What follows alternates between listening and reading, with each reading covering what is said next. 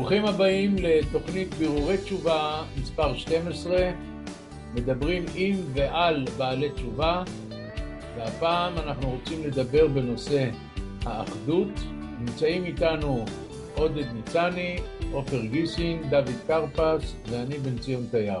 נכון שאנחנו עורכים את התוכנית הזאת עקב מאורעות הזמן, אבל תוכן התוכנית הוא מתאים לכל זמן. ואנחנו רוצים לדבר על אחדות בשונה מאחידות. אחדות שהיא בעצם הדבר שלהבנתי הוא שורש ההצלחה שלנו ומה תפקידנו כבעלי תשובה או מה יכולתנו כבעלי תשובה לתרום בנושא. אני אקצר במקום שצריך להעריך, ובכל זאת זה לא יהיה קצר לגמרי. אני רוצה להגיד שתי נקודות עקב אה, האירועים שקרו. הנושא הוא כאן לא אמונה.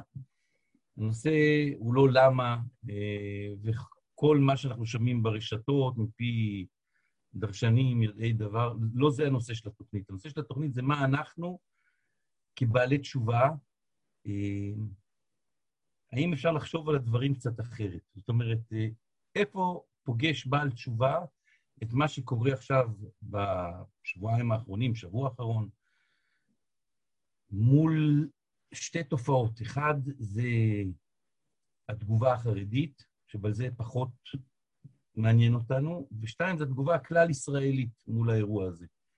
יש איזו הערה או תחושה של אנשים, אה, נמאס מהפלגנות, נמאס מהמחלוקת. עכשיו, כמובן שהדברים האלה, כדרכם של אירועים, קורים, ואחרי זה נחלשים. ואני שומע הרבה הרבה ברצועה מסתכלים על האירוע הזה ועל מה שהם מרגישים שהם צריכים לעשות כנגד האסון הנורא הזה, הם לא מרגישים אה, שהתגובה שלהם היא חלק מהמיינסטרים החרדי. הם מרגישים שיש להם הסתכלות אחרת. הם יכולים להבין אחרת את הדברים ולהגיב אחרת את הדברים. אני חושב שהתוכנית הזאת צריכה לעסוק בדבר הזה, בדרכי ההתמודדות שלנו, פחות השקפתית, אבל זה ודאי נוגע גם לעניינים השקפתיים, אני חושב שאנחנו מחוילים אחרת מול אסונות כאלה. תחושת הכלל-ישראליות אצלנו זה דבר מאוד מאוד אה, מאוד אה, חזק. אה, אם לא מחלישים אותו ועובדים להחליש אותו, הוא, הוא ברגעים כאלו הוא פורץ, כי הוא שמה. ואם אנחנו יכולים לעשות משהו בתוך כל, ה... בתוך כל האירוע הזה, לתת איזה קול אחר, שלפחות ייתן לנו איזושהי מנוחת הנפש, אבל גם לחברה הישראלית יכול להועיל.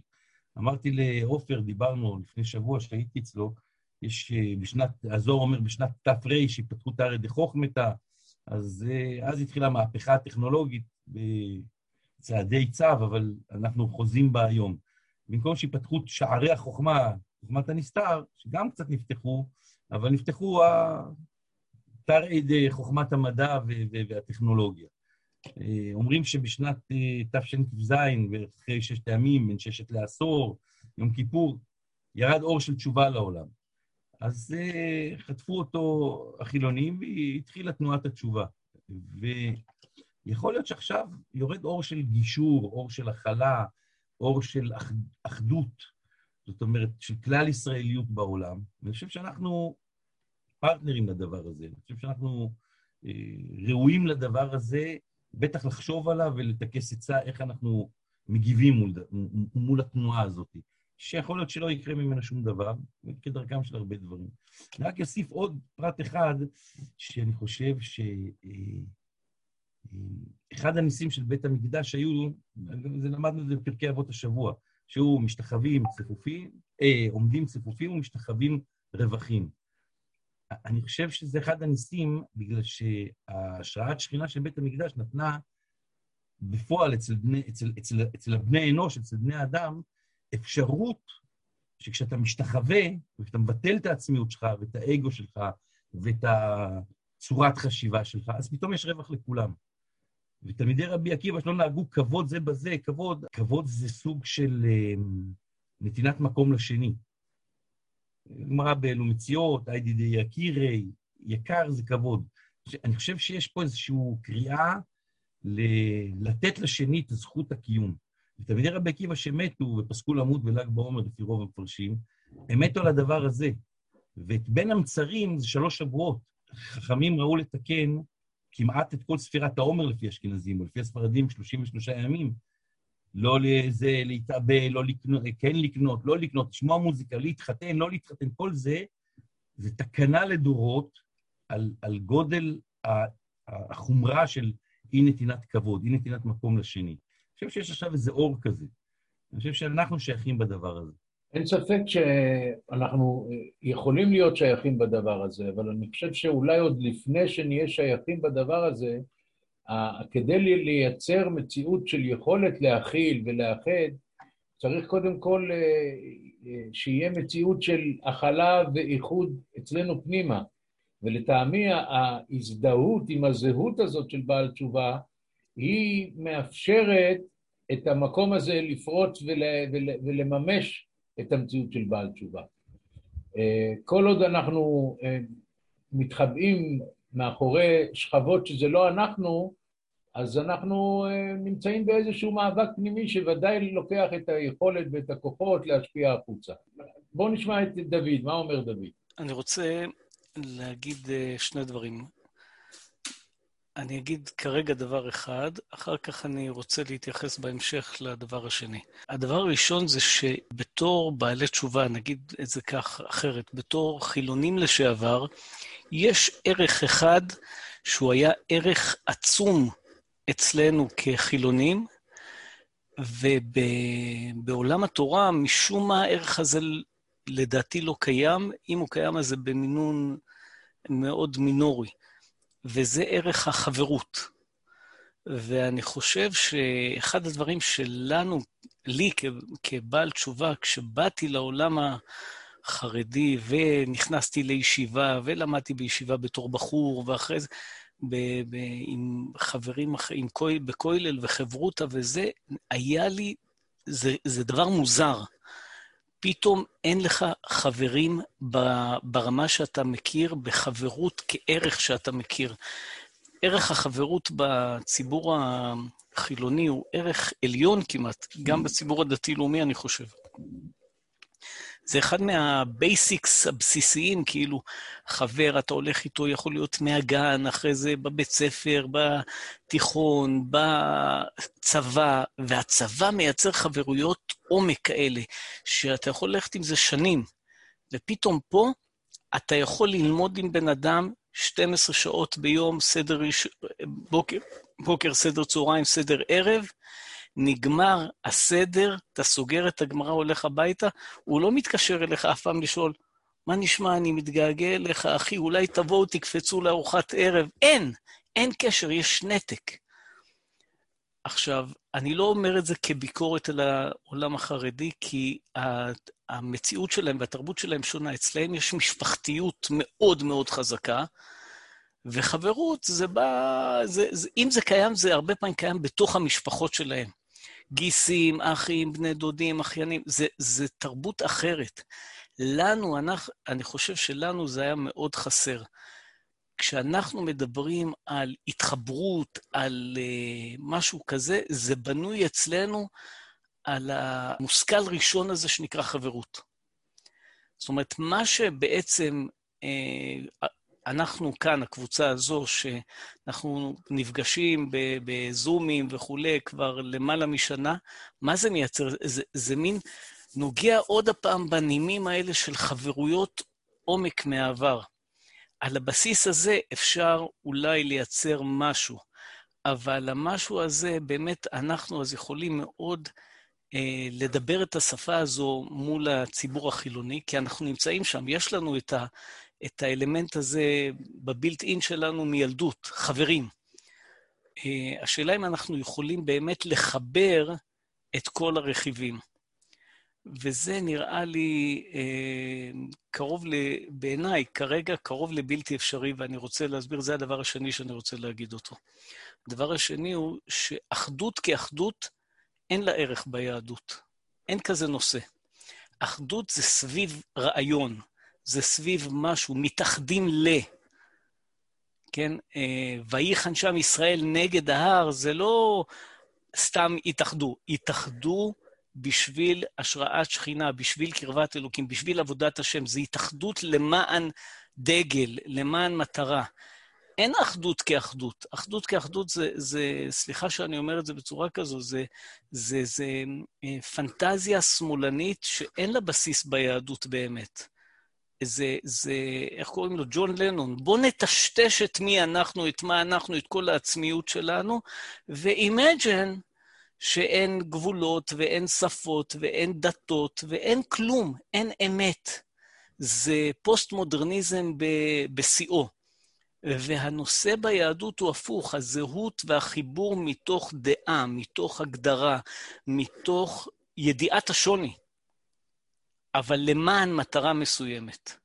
וזה מה שנקרא, שתלמידי חכמים נקראים חברים, זה לא שהם התבטלו, הם, הם בדיוק ידעו כל אחד מה דעתו ובמה הוא שונה, אבל הבינו שהם למען התורה, למען האומה, למען הקדוש ברוך הוא שרוצה את זה, למען הפסוק מי כעמך ישראל גוי אחד בארץ, הם מתאחדים.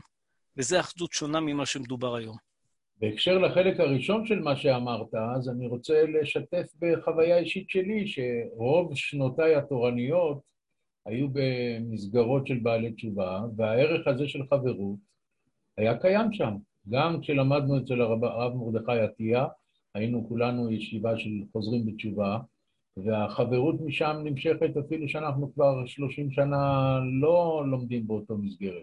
וגם כשהקמנו את אור יקר, אה, המציאות של הקהילה, אה, אדרבה, אולי בגלל שנחלש הפן המשפחתי, גבר הפן החברי והזהות המשותפת.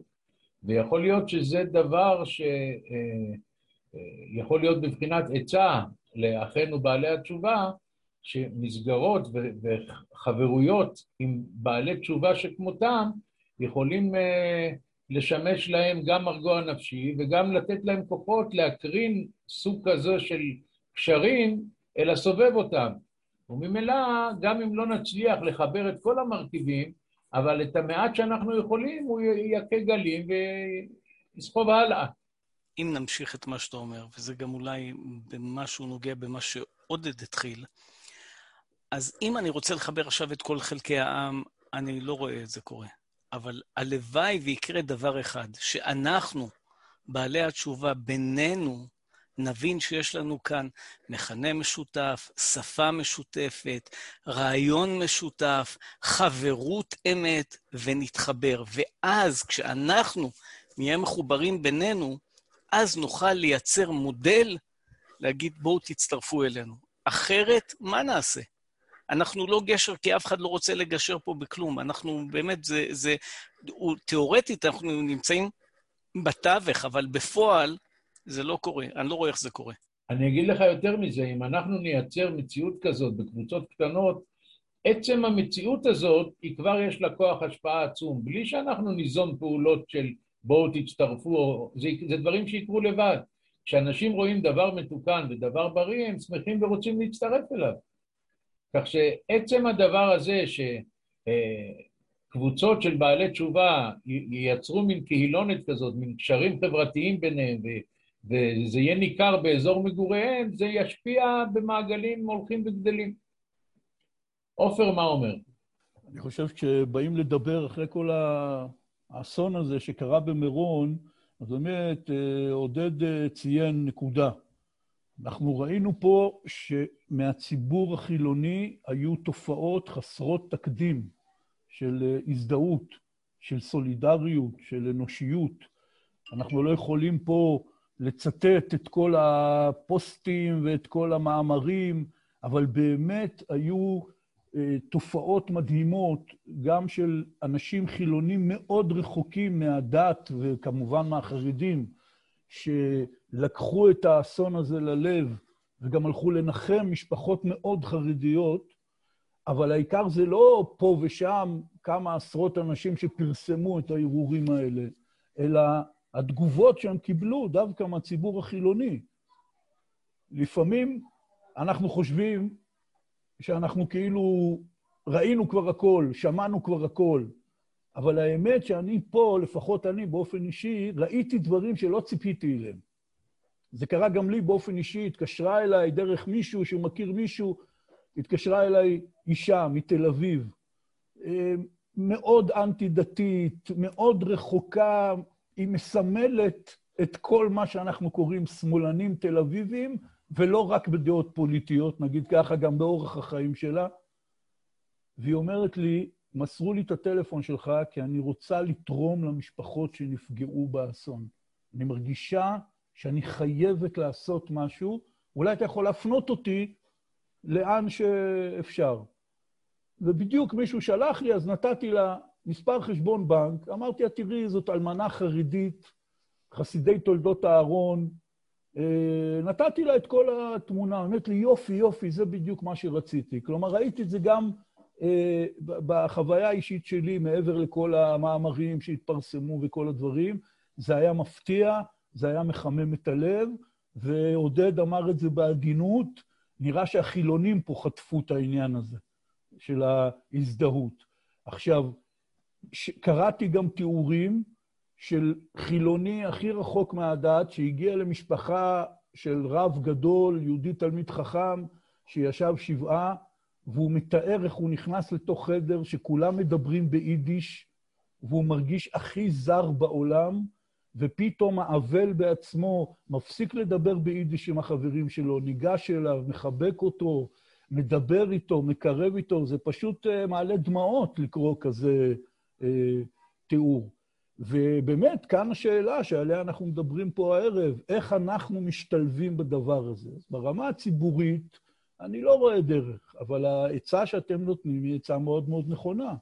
אנחנו צריכים לחזק את זה בינינו, לא בגלל שעכשיו אנחנו באים להטיף לעצמנו מוסר שאולי אנחנו לא בסדר בזה, אלא פשוט צריך לחזק את הדבר הזה יותר מהרגיל. ואני, ואני חושב, וגם משיחות שהיו לי עם בעלי תשובה, צעירים וותיקים, ראיתי שיש כאן שתי בעיות. בעלי תשובה צעירים, כשמדברים איתם דיבורים כאלה של אחדות ישראל ואהבת ישראל, והכוונה היא כנראה, כן, כלפי החילונים, הם חושבים שאולי על פי דעת תורה, במרכאות או שלא במרכאות, יש כאן איזושהי בעיה. ולכן צריך להודיע באופן הכי מפורש לכולם, שלכל מה שאנחנו מדברים פה, על אחדות, על אהבת ישראל, על קירוב, כל הדברים האלה, יש להם את כל המראי מקומות בעולם. פשוט, כמו שבכל תקופה יש פוקוס אצל לומדי התורה על נושאים מסוימים, ניתן דוגמה, חפץ חיים הכניס את העניין של שמירת הלשון, אחרים העלו דברים אחרים. צריך לשים את הפוקוס מחדש על אותם מקורות בתורה שמדברים על הדברים האלה. מפני שכשאדם רואה שהיו גדולי ישראל שאמרו את זה, ולפעמים דברים מפתיעים ביותר, זה מחזק אצלו את הנטייה הטבעית ממילא להתחבר עם זה. בעלי תשובה ותיקים, אני שמעתי לפחות קצת, דיבורים שאומרים כבר אין מה לעשות. ולכן לדעתי צריך להדגיש שני מסרים. מסר אחד, בואו נחזיר את הפוקוס לכל מה שמופיע בכל התורה שבכתב, התורה שבעל פה וכל דברי חכמי ישראל בכל הדורות, שהעניין הזה הוא מאוד מאוד קריטי, חשוב, וזה לא סתם מליצות כאלה שעוברות ליד האוזן, אלא צריך להתחזק בזה למעשה. איך? אני לא יודע, אבל צריך להתחיל לברר. והדבר השני, יש מה לעשות. האסון הנורא הזה, שהוא היה כל כך מובהק שהוא סוג של אירוע שמימי מצד המקום שהוא קרה, הזמן שהוא קרה, התקופה שהוא קרה בה, חוץ מיום ל"ג בעומר בעצמו, עצם העניין של ספירת העומר, כמו שעודד הזכיר, את העניין שלא נהגו כבוד זה בזה, הצורה שהם כולם נפטרו שם, וקראתי במוצאי שבת אה, עיתון יתד נאמן, מוסף שלם שמתאר כל אחד מהנפטרים בפרטי פרטים. באמת נהרגו כאן 45 אנשים מיוחדים במינם, בצדיקות וביראת שמיים. והתגובה של הציבור החילוני לעניין הזה, לדעתי, אומרת שיש מה לעשות. וזה אולי הנושא הכי חשוב שאפשר לדבר עליו בתקופה הזאת, ואנחנו יכולים להתחיל, כמו שאמרתם, עם עצמנו, ואז להקרין את זה החוצה עד כמה שנוכל. אני חושב שאפשר, מעבר לנושא של להתגבש בעצמנו ולהקרין את עצמנו, לעורר ולחדש את נושא החברות, אני חושב שגם בהקרנה כלפי הסביבה, הזמן כרגע הוא ודאי שהלבבות פתוחים. ואם אנחנו אה, נחדד לעצמנו, כמו שעופר הדגיש, את כל מאמרי חז"ל ואת כל הדרשות של אה, בנים אתם להשם אלוקיכם, ואף על פי שסוררים או שובבים עדיין קרואים בנים, ולא להיות אנחנו השופטני, אלא לקבל כל יהודי באשר הוא על עצם עובדת יהדותו, ולהשאיר את החשבונות של בית דין של מעלה לבית דין של מעלה, אם אנחנו בלבבנו נפנים את המציאות הזאת, אז הגישה שלנו והחיוך שנקרין פנים והשלום, הוא יהיה אחר מאשר כמו שאני מתייחס לבן אדם שהוא לא מה, מהקבוצה שלי, לא מהסוג שלי. אה, אדרבה, להרגיש את השייכות מול הסובב שלנו, עוד פעם, גם כיחידים מול הסובב, מול השכנים, מול האנשים שנתקלים איתם במהלך העבודה או במהלך הלימודים או, או בסופר וכולי. להיות מסוגלים להכיל כל יהודי על עצם עובדת היותו יהודי. אז הארת פנים והשלום עושים המון. ולבן שיניים מחלב. אז אני, אני חוזר ואומר, לדעתי צריך לה, להניף דגל. זאת אומרת, להתאחד סביב משהו, סביב רעיון. אי אפשר להתאחד סביב ההתאחדות. צריך התאחדות למען משהו. אחדות זה כוח, כן? כמו שכתוב בזוהר, סוף פרשת נוח, אה, ועתה לא ייבצר מהם כל אשר יזמו לעשות. אומר הקדוש ברוך הוא שההתאחדות ביחד הן עם אחד ודברים אחדים, וזה החילם לעשות, לא ייבצר מהם, אי אפשר למנוע אותם כל, מהם כל דבר שהם ירצו לעשות, אפילו נגד הקדוש ברוך הוא. אבל צריך להתאחד למען משהו. למען ואהבת לרעך כמוך. למען אז... קיום המצווה הזאת. זה לא להתאחד על שם ההתאחדות כמו הרעיון השמאלני, זה ערך תורני.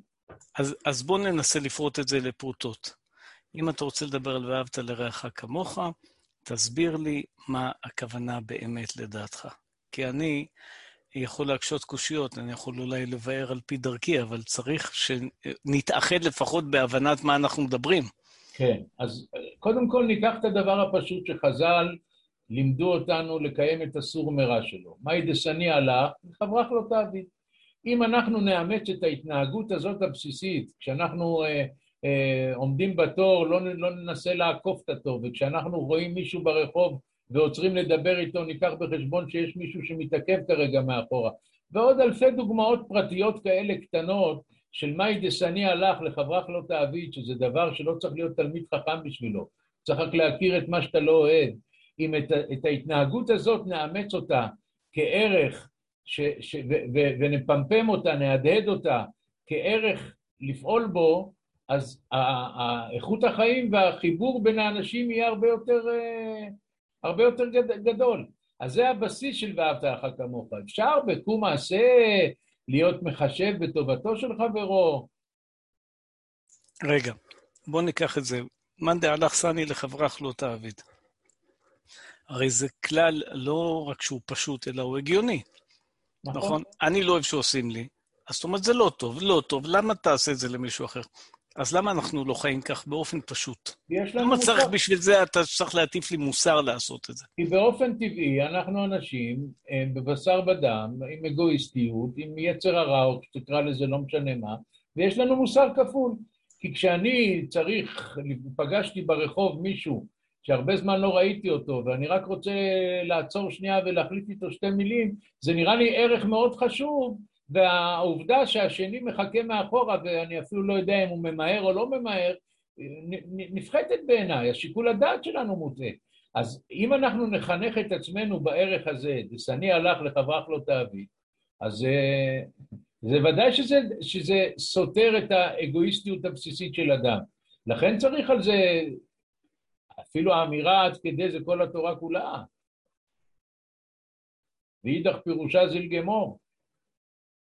גם ה"ויחן" שלמרגלות ההר זה תנאי בקבלת תורה, זה לא רק uh, תיאור של מה שהיה. רגע, אז אם כולנו כש, רוצים כש, לקבל... כשחנו למרגלות הר סיני, לא דחפו?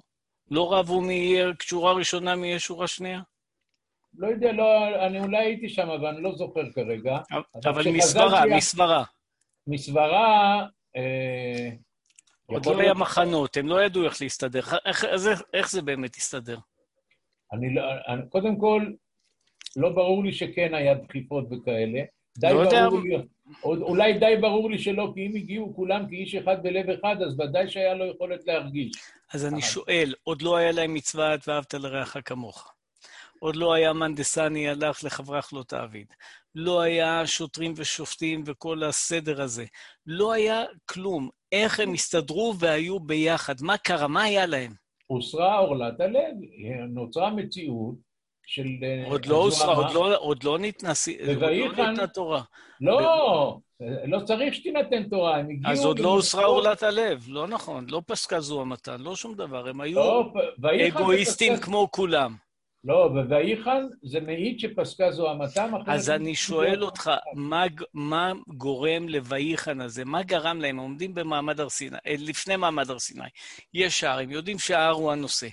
מה, אף אחד לא רצה לדחוף שם, לזוז קדימה, להיות שורה ראשונה, תזוז, תראה, אני יותר מבוגר, אני... איך זה עובד? מה קרה להם? מה, מה איזה רוח נח, איזה דעה הייתה להם, שהם הבינו משהו שאנחנו לא מבינים. רק אנשי מעלה בינינו מבינים, אנשים רגילים לא מבינים. מה קרה כאן? אני רוצה ברשותכם להגיד לכם חידוש שחידשתי לפני שנים. כתוב שם, ויחן ישראל, רש"י כותב, כאיש אחד בלב אחד. עכשיו, הדבר המעניין הוא שכשרש"י מדבר על המצרים בזמן קריעת ים סוף, כתוב, ויישא מצרים. אחרי אומר רש"י, בלב אחד כאיש אחד, שזה כמובן די מפליא בהתחלה. אותו שבח שנאמר על בני ישראל לפני מתן תורה, שבזכות זה הם זכו למתן תורה, אותו שבח כתוב על המצרים כשהם רודפים אחרי בני ישראל להטביע אותם. והחידוש שעלה לי, שאם מסתכלים במשפטים של רש"י, רואים שזה הפוך. וההסבר בזה, בלי להכביר בקושיות כדי להביא תירוצים דרשניים, ההסבר שנראה לי פה, שאצל בני ישראל זה קודם כל כאיש אחד. אחרי זה בלב אחד. כלומר, קודם כל יש את האהבה העצמית שהיא לא קשורה לנטיות הלב של אחד מול חברו. כלומר, קודם אוהבים, אחר כך זוכים גם להסכים על דבר אחד משותף. אבל אצל הגויים זה הפוך. גם אצל הגויים יכול להיות מצב של אחדות מאוד מאוד חזקה בין אנשים. אבל קודם כל צריך להיות בלב אחד. כשהם מסכימים כולם על אותו דבר, אז הם הופכים להיות כאיש אחד. וזה ההסבר בתוך הנקודה של האהבה שנדרשת מאיתנו. שהאהבה הזאת היא לא קשורה לזה אם אני מסכים איתו או לא. אלא מעצם המהות הטבעית שלנו כבני ישראל, שכל עם ישראל זה נשמה אחת, זה אפילו כאיש אחד ממש, וכמו שבתוך הגוף, אם יש מלחמות של האיברים אחד בשני, זה גורם מצב של מחלה קשה מאוד, כך בתוך עם ישראל צריך להיות מצב שיש שלום בין האיברים, למרות שכל איבר יש לו את התפקיד שלו, ואת הטבע שלו, ואת העניין שלו. אצל המצרים, הם קודם כל צריכים להגיע להסכמה, בלב אחד. ההסכמה הייתה, חייבים לחסל את בני ישראל. מתוך זה הם נהיו כאיש אחד, וזה מלמד הרבה על מהות האחדות. עכשיו, עוד עניין שאני חושב שצריך להדגיש, דיברתם על ואהבת לרעך כמוך. זאת מצווה מן התורה, זו מצווה רמ"ג, מצוות אהבת ישראל, ככה החינוך מכתיר את המצווה הזאת. ולא מזמן למדנו את זה בפרשת קדושים. ויש שם קטע מופלא, שלדעתי זה ממש חובת לימוד על כל יהודי, וזה הפירוש של המלבים על הפסוק הזה. המלבים מקשה קושייה, הוא לא הראשון שהקשה אותה. למה לא כתוב ואהבת את רעך? כי אנחנו נוטים לחשוב ש"ואהבת לרעך כמוך", הכוונה "ואהבת את רעך". זו מצווה של אהבה בלב. כמו שכתוב, "ואהבת את השם אלוקיך". כשאנחנו בלשון הקודש מדברים על אהבה, אנחנו אומרים לאהוב את. אבל פה כתוב, ואהבת לרעך. אומר המלבים, ומדגיש את הנקודה הזאת, יש הבדל בין את לבין ל. כאשר אנחנו מדברים על רגש כמו אהבה, אנחנו אומרים ואהבת את משהו. אבל כאשר אנחנו מדברים לעשות משהו עבור מישהו, אנחנו משתמשים באות למד. נתתי לו, נתתי ליוסי. ככה, ככה אנחנו מתבטאים בלשון הקודש. לכן, אומר המלבים, הפירוש כאן, ואהבת לרעך כמוך, זה עומק העניין שהלל הזקן, במקום לצטט לגוי את הפסוק, אמר לו, מה דהלך סני לחברך לא תעביד. הפירוש של ואהבת לרעך כמוך זה במעשה. תעשה לרעך דברים שאתה יודע שהוא אוהב שיעשו לו. כלומר, פירוש מצוות אהבת ישראל כאן, לפי המלבים ומפרשים אחרים, וגם לפי מה שהלל הזקן אמר, זה איך אני מתנהג אליו, לא מה אני מרגיש כלפיו. וכאשר מבינים את הנקודה הזאת, זה יוצא מתחום הקלישאות, תסלחו לי, כי הרי כולנו מכירים את כל הפתגמים שיש אצל כל חכמי ישראל על חשיבות אהבת ישראל, אבל בפועל, בשטח, אנחנו לא נתקלים באהבת ישראל לצערנו. אלא באמת, עיקר העניין הוא פה להתחיל לחשוב באופן שלילי, לא לעשות מה שאני שנוא עליי, או באופן חיובי, כפי שרבי עקיבא פירש את זה, זה כלל גדול בתורה למעשה. וגם כאן, ספר החינוך מסביר מה הכוונה זה כלל גדול בתורה, כי כמעט בכל מצווה אני צריך לבדוק מה אני יכול לעשות עבור השני. וברגע שנכנסים לפעולה שאני לעצמי, באופן אישי פרטי, לוקח על עצמי לעשות טובה למישהו אחר במקום שבו קשה לי, אני מקיים את המצווה. ולכן כאשר באים למסור מסרים כאלה, לא מספיק להשתמש, או ב... עוד פעם, סליחה על השימוש בביטוי, לא בקלישאות חרדיות ולא בקלישאות חילוניות. לך באים זה לחפש את נקודת החידוש, מה התורה באה ללמד אותנו במצוות אהבת ישראל. והרי בפועל אצל גדולי ישראל הכי גדולים, המצווה של אהבת האדם היא אפילו יוצאת חוץ לגדר אהבת ישראל. כמו שרבי חיים ויטל כותב בשער הקדושה, שיאהב כל אדם, אפילו גויים. וגם הרמק כותב את זה, ואחרים. כלומר, הנקודה הזאת של אהבה היא חסרה. ואני רוצה לחזור למה שדוד הזכיר בתחילת השיחה, כשבעלי תשובה הגיעו לתוך הציבור החרדי, מושג החברות היה חסר להם. האיר את עיניי בעניין הזה פעם איזה אברך חרדי שלמד בישיבה על בעלי תשובה, אצל עודד בישיבה בביתר, ישיבת שדה צופים. הוא מספר לי סיפור. הוא אומר לי, היה לי חברותה, אחד מהתלמידים בישיבה, בעל תשובה, פתאום נכנס לבית המדרש איזה בחור כזה, חילוני כזה, עם כיפה של התחלה כזה. הוא אומר לי, סלח לי שנייה, קם אליו, מחבק אותו, מדבר איתו, קורא לו אחי, הולך, מסדר לו חדר, מסדר לו דברים. טוב, הוא חוזר לחברותא, הוא אומר, מאיפה אתה מכיר אותו? אז הוא עונה לו, אני לא מכיר אותו. הוא אומר, מה זאת אומרת? קמת, התחבקת איתו, קראת לו אחי. הוא אומר לו, אחי, ככה לימדו אותנו. בא בן אדם חדש לישיבה, אני קם, מחבק אותו. הוא אומר לי, תדע לך, בשבילי זה היה אור חדש. כי אצלנו אין את הסגנון יחסים האלה אפילו בתוך המשפחה, לא כל שכן עם בן אדם שלא מכירים בכלל. וזאת נקודה עמוקה. וכמו שדוד ציין נכון, אנחנו הבאנו מהעולם שלנו כחילונים לשעבר, גם מהבית ספר וגם בעיקר מהצבא, סוג של חברות מיוחדת במינה, שהרבה אנשים שלא עברו מסלול חיים כאלה, הם לא מכירים כזאת חברות. אז זו קריאה לעצמנו לנסות לחדש כזאת חברות, ולנסות לדבר על זה שאולי נעורר עוד אנשים בעניין. וזה ממש לימוד הסוגיה הזאת של ואהבת לרעך כמוך, עם כל הנושא של אהבת ישראל, של אהבת החברים, שיש על זה אין ספור מקורות. זה לדעתי צריך להיות עניין הדור, לפחות כמו העיון בהלכות מוקצה. לפחות. הרבה יותר, כי מוקצה זה דרבנן וזה דאורייתא. אני כמובן אומר לפחות בלשון סגי נאור. כן. לומדים את זה, בקיאים בפרטים, דנים בזה, מדסקסים את זה על שולחן שבת ולא על שולחן שבת. כי מבינים שזה דבר חשוב, הוא דבר מרובה פרטים, והוא דבר שאם אתה לא בקיא בו מאוד, אתה לא יכול לקיים אותו בכלל, כמו הרבה הלכות שבת.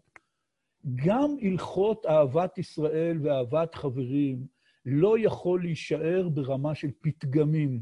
אם אתה לא לומד את הפרטים, אתה לא יכול לקיים את זה, וחבל. אני חושב אפילו אם אולי, גם כן בענייני הזמן והעת, יכול להיות שיש משהו שקודם ל"ואהבת לרעך כמוך", וזה לא תשנא את אחיך בלבביך. זאת אומרת, אה, מה שהשנאה גורמת זה התרחקות, ומה שאהבה גורמת זה קירוב. עכשיו, לפני שאני מתקרב, צריך קודם כל להסיר את הדבר המרחק. סור מרע ועשה טוב. ולכן, אני זוכר לפני, לא יודע, 20 שנה, ראיתי ספר וקניתי אותו, ספר עבה של, אה, בעובי של גמרא, אה, שנקרא לא תשנא את אחיך בלבביך, גם בגודל של גמרא. והספר הזה שינה לי את צורת החשיבה, כי התחלתי להבין שיש כאן, זה, זה לא המצוות האלה הן לא, הם לא כותרת בעלמא, הם לא כמו ש... זה לא סטיקר. זה, זה דבר מהותי עם המון פרטים, ועם צורה, ועם הרבה מחשבה שאתה צריך להשקיע. מה זה נקרא לשנוא? אם אני לא אוהב ולא שונא, זה... אני עובר על עבירה, אני עובר על מצוות לא תעשה, לא תשנא את אחר בלבביך. אם אני לא מסמפת אותך כי יש לך איזה בעיה, אתה נגיד טרחן, אתה מדבר המון, וזה לא, לא נעים לי. אז אני עובר עבירה. יש כאן המון הגדרות שצריך להגדיר אותן. ואני חושב שבין היתר גם עוד דיבר על המילה, מילה שהיום אה, מאוד אה, שגורה על לשון כל מי שעוסק בחינוך, הכלה. אתה צריך להכיל את האחר. אתה לא יכול להכיל את השני אם אתה לא מוצא בעצמך נקודה שהשני דומה לך. כדי להכיל אותך, את, ה, את החריגות של מישהו, את האחר, אני צריך להבין שיש את האחר הזה גם בתוכי, אחרת אני לא יכול להכיל אותו. אין לו למה להתחבר אליי, אני לא יכול להתחבר שם. אני יכול אה, לשתוק, לנשוך את השפתיים, אבל זה לא נקרא הכלה. הכלה זה באמת שאני מקבל אותו כמות שהוא. וצריך בשביל הדבר הזה שיהיה לך בפנים את הנקודה שאתה מזהה את עצמך, את השני בתוך עצמך. ואני חושב שהדבר הזה, דור... עוד פעם, בעניין הזה, כן, יש לנו אולי איזשהו יתרון בציבוריות הישראלית, כי אנחנו, יש בנו את כל, את רב גוניות, אנחנו גם קצת חילונים וקצת חרדים וקצת דתיים וקצת הכול, ואז אנחנו יכולים להיות בנקודת ההכלה. אבל כדי שנוכל לעשות משהו, אנחנו צריכים קודם כל להתחבר אחד עם השני. הפלא של החבורה שלנו, באמת פלא פלאים, אני לא יודע כמה צריך להודות לשם על הדבר הזה, שכל אחד מאיתנו הוא לא רק שונה מהשני, יש לו דעה הרבה פעמים הפוכה טוטאלית לחלוטין מהשני, ואנחנו יכולים להתחבר בנקודה של אהבה מאוד גדולה ל- לרעיון המשותף שלנו, ל- ל- למכנה המשותף שדוחה את כל ההבדלים האלה, כי כל ההבדלים האלה זה באמת, זה אה, איך נקרא לזה, קישוטים, צבעי מלחמה כאלה. אבל יש את מי שאתה באמת מתחת לכל הצבעים האלה, והמי שאתה באמת כן מתחבר אחד עם השני.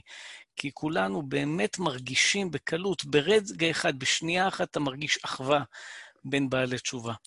ושפה משותפת, תקשורת משותפת. גם אם בעל תשובה צעיר מאוד מאוד ואני מבוגר יותר ממנו, ברגע אחד זה מתחבר. וצריך לייצר, כמו ש... בן ציון אמר, אני לא יודע איך עושים את זה בפועל, אבל צריך להתחיל לייצר מעגלים, מעגלי התחברות.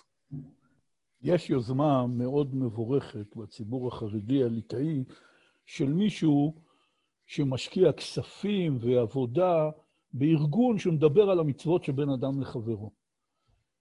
והבעיה היא תמיד איך להוציא את זה מתחום הקלישאה והפתגם לתחום המעשה, שזה לא פחות דקדוק הלכתי, ואולי הרבה הרבה הרבה יותר חשוב. שהרי בפרשת קדושים, רש"י כותב שם, נאמרה פרשה זאת בהקל, מפני שרוב גופי תורה תלויים בה. כך כתוב ברש"י בהתחלה, כולם מכירים את זה. כשאתה מסתכל על המצוות בפרשה, יש בפרשה 51 מצוות. מתוכן 30 הם רק במצוות שבין אדם לחברו. אלה הגופי תורה שרש"י דיבר עליהם, וצריך להתחיל ללמוד אותם, כמו שאמרתי, כמו שלומדים הלכות טכניות במרכאות. וברגע שמלבישים את הרגש, שהוא כמובן מתעורר יותר בתקופה של אסונות וכל מיני דברים כאלה, צריך להלביש אותו בתורה ולהלביש אותו בפרקטיקה. זה כמו שהרב לאו אמר, והרבה מצטטים את המשפט שלו, הוא אומר, אנחנו יודעים טוב מאוד למות ביחד, אבל אנחנו לא יודעים לחיות ביחד.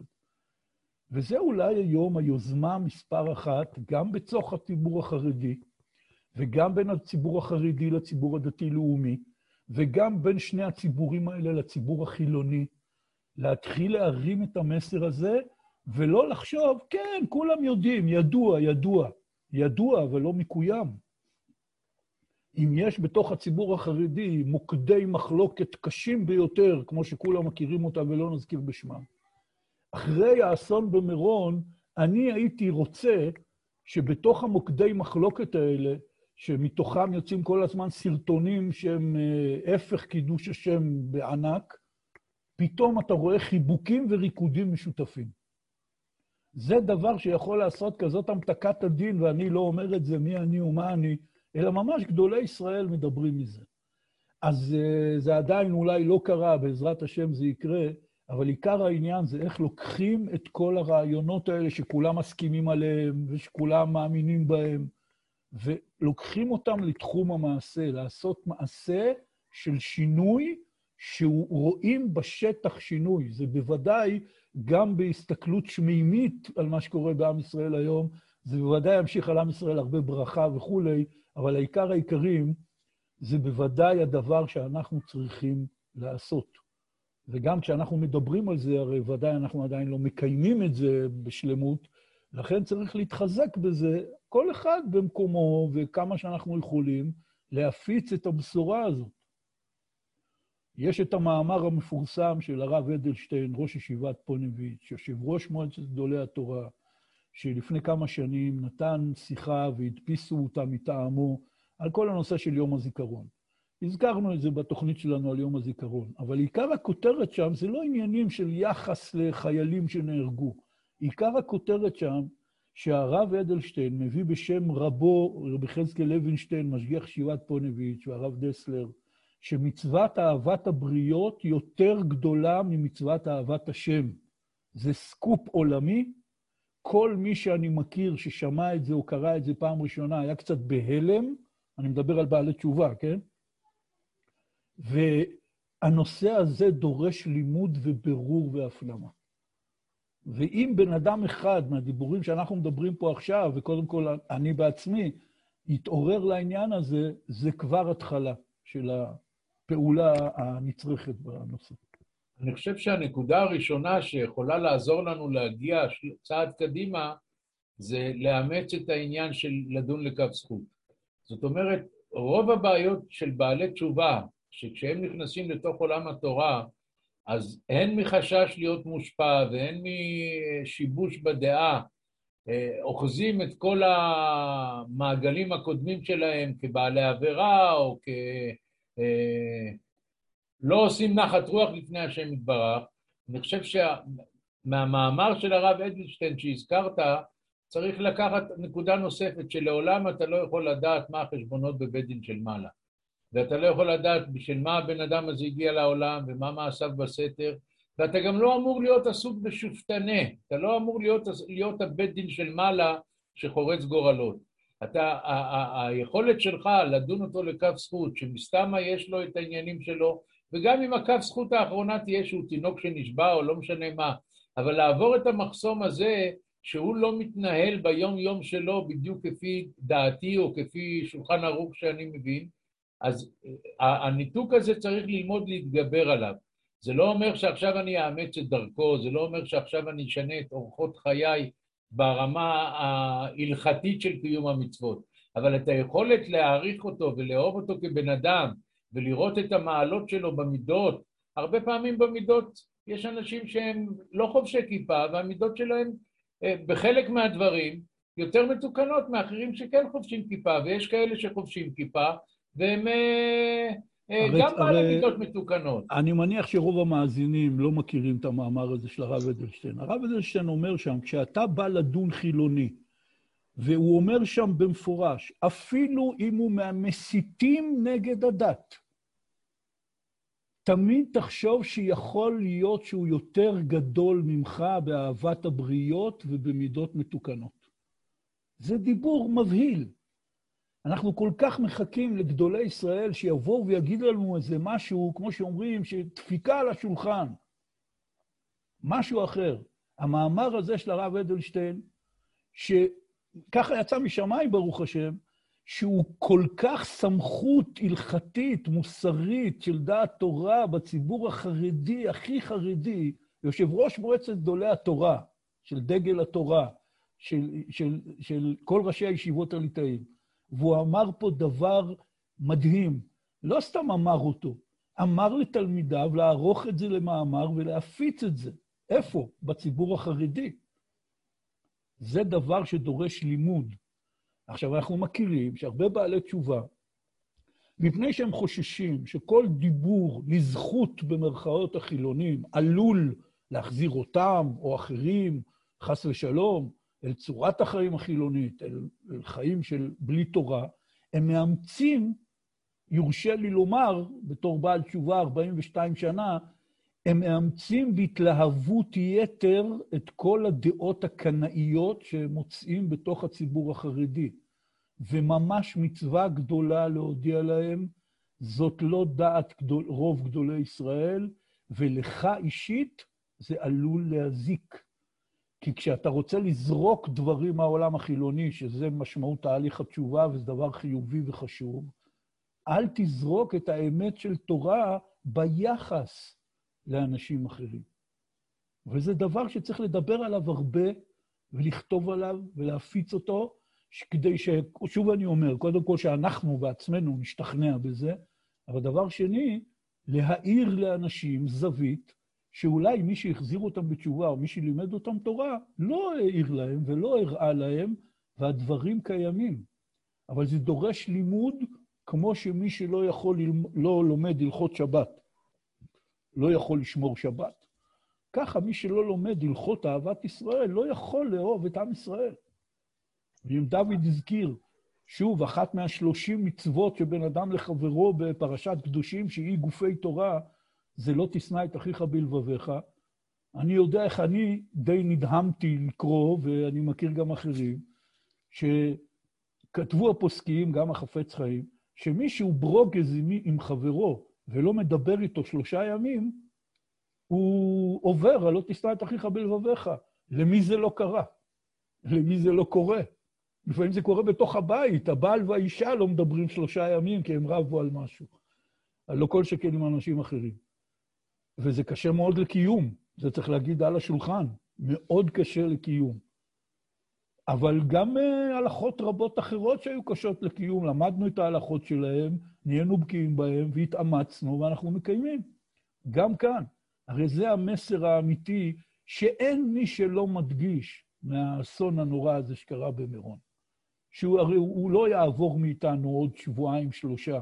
אנחנו נמצאים עכשיו כשבועיים אחר כך זה ימשיך עוד שנים. זה המסר היחידי והאמיתי שצריך לדרוש בו, לדבר עליו. כי להבין חשבונות שמיים כמובן אף אחד לא יכול, ולצערנו יש הרבה שיחות כאלה שמתחילות ב... אנחנו לא מבינים חשבונות שמיים, ואחרי זה מתחילים להסביר את חשבונות שמיים. במרכאות להסביר כמובן. אבל זה המסר היהודי, האנושי, האקטואלי, הרלוונטי, הכי ברור. אנחנו צריכים להתחזק בזה, ופשוט צריך להגיד, בואו נתחזק בזה ביחד, כפשוטו. אני, אני רוצה, אמ, אני שמח מאוד במה שעופר אמר עכשיו, ואני רוצה להגיד, בתוך עמי אנוכי יושבת ואני מכיר איך נראה בעל תשובה, ודאי בהתחלה דרכו הרבה שנים בהתחלה, והבעל תשובה עוטף אותו קנאות השם, עוטף אותו רוח קנאה, עוטף אותו הקיצוניות, והוא יודע גם לזהות, אם הוא לומד תורה, אז בתוך המשנה ברורה הרי יש את ה... שמה, את משנה ברורה בהתחלה, ולא יתבייש מפני המלעיגים עליו בעבודת השם, שנאמר, הלא משנאיך השם אשנא ומתקוממיך את קוטה, תכלית שנאה, שנאתים לאויבים היו לי. והוא מקדש את הרעיון שכל מי שהוא נגד, צריך לשנוא אותו, וזה, והוא מתעלה בתור, כ, כאש שורפת. וצריך להזכיר שכשרבי שמעון בר יוחאי יצא מהמערה אחרי 12 שנה של לימוד תורה, הוא ובנו אלעזר, והם הסתכלו על המציאות וראו אנשים שהם לא כמוהם, והתחילו לשרוף את המציאות בעיניים שלהם, הקדוש ברוך הוא גירש אותם חזרה למערה. זה לא מה שהוא רוצה, הוא רוצה משהו אחר. הוא רוצה שכשאתה יוצא מהמערה אחרי לימוד תורה, אתה תהיה בן אדם יותר טוב. ותמיד חרוט לנגד עיניי, לא תמיד, הלוואי והיה תמיד, המילים האלה של אה, רב אריה לוין, שהוא היה יהודי נמוך קומה, קטן קומה, וכשהוא היה, פעם אחת הוא הגיע לכלא לבקר את האסירים היהודים, אז אסיר אחד אמר לו, סליחה הרב שאני אה, בלי כיפה, אז הוא אמר לו, אתה יודע, אני בן אדם קטן, אני, מהגובה שלי אני מגיע עד הלב. אני רואה את הלב, אני לא רואה מה שלמעלה מזה. ו, ולראות את הבן אדם, הרי אנחנו היינו לא יותר טובים מכל אחד אחר, ואנחנו עדיין לא יותר טובים מכל אחד אחר. לא רוצה להגיד יותר גרועים, אבל לא יותר טובים. וצריך לשים את הדבר הזה נגד עינינו כל הזמן, את הענווה הזו, לזכור שהשני הוא טוב ממך, כמו שהרב אדלשטיין כותב, ואלה דברים מרעידי נפש, מה שהוא כותב שם. כי באמת, גם אם שמענו דברים, כזה דיבור חד, נוקב וישיר, לא תמצא בשום מקום. זה, זה מבהיל על כל רעיון, וצריך באמת לשים את זה נגד עינינו.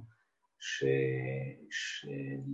יחס אחר לסובב אותנו, לזולתנו, לראות את הטוב שבהם, לראות את המעלות שלהם, להבין שהם שווים יותר מאיתנו. אנחנו לא יודעים מה כל אחד עשה. אה, יש, אנחנו, הדור שלנו מלא ביקורת. החוצפה הפנימית שמתעוררת בדור, בין היתר, מאפשרת גם לקטן לבקר את הגדול. צריך להבין, יכול להיות שהשני טועה, יכול להיות שזה, זה לא מוריד מכבודו, אתה צריך לכבד אותו. יש עניין, דווקא אחרי כל הסיפור עם מירון, שהדגישו הרבה, וזה מופיע בספרים, שעיקר העניין בזוהר הקדוש זה עניין של אהבה. כולם מכירים את העניין שרבי שמעון אמר בתחילת ההידרא רבה, הוא אמר לתלמידיו, ענן בחביבות עתליה מילתא. והרי ההסבר שם, למי שמכיר בפנים, שהוא מסביר שתלמידי רבי עקיבא לא הייתה ביניהם אהבה, והם היו בבחינה של דינים. וכשמגלים את סודות התורה, אומר רבי שמעון, נכון, באמת צריך יראה, אבל ענן וחביבות עתליה מילתא. כל העניין שלנו זה אהבה. הרבה בעלי תשובה, אנחנו מדברים פה כבעלי תשובה, על בעלי תשובה, הרבה אנשים מאוד רוצים להתחבר עם הזוהר הקדוש, עם רבי שמעון בר יוחאי, עם כל העניין הזה של חוכמת הנסתר שעל ידה תבוא הגאולה. לאנשים כמונו, שכנראה לא כולנו זכינו, אני לפחות לא זכיתי, ממש לשבת בתוך סודות הקבלה ולחיות אותם, אבל המסר הזה של אהבתנו החזקה, זה דבר שכל אדם, אפילו ילד, אפשר ללמד אותו, וגם זה המורשת של רבי שמעון בר יוחאי. וכל הדרשנים הגדולים והפחות גדולים הדגישו את העניין הזה. שהאסון הזה שקרה בחצות לילה, בליל ל"ג בעומר, על ציון רבי שמעון בר יוחאי, אחרי שהיהודים הצדיקים האלה רקדו ושמחו וקיבלו על מלכות שמיים, יש כאן מסר. המסר שלדעתי יכול להיות אצלנו בגובה העיניים, זה שצריך לחזור למורשת רבי שמעון. ומורשת רבי שמעון זה שינוי פרקטי, מעשי, מהפכני אפילו, בכל הנושא של אהבה. ואם אנחנו רואים לפעמים שבמקומות מסוימים, גם בציבור החילוני וגם בציבור החרדי, הדבר הזה הוא חסר, אז מה עושים? להעביר עליהם ביקורת לא ייתן כלום. העניין הוא שאנחנו צריכים להיות משהו אחר. אנחנו צריכים להיות השינוי, או כמו שיש ביטוי כזה היום, סוכני שינוי. אנחנו צריכים להיות סוכני השינוי של הדבר הזה, בדיבור, בכתיבה, והעיקר העיקרים בהתנהגות. אני חושב שבאמירה מעודדת ומחייבת זו, אנחנו נסיים את התוכנית, בתקווה שכל אחד מאיתנו ייקח דבר קטן של התחזקות בנושא הזה של אהבת הזולת. ברוכים תהיו.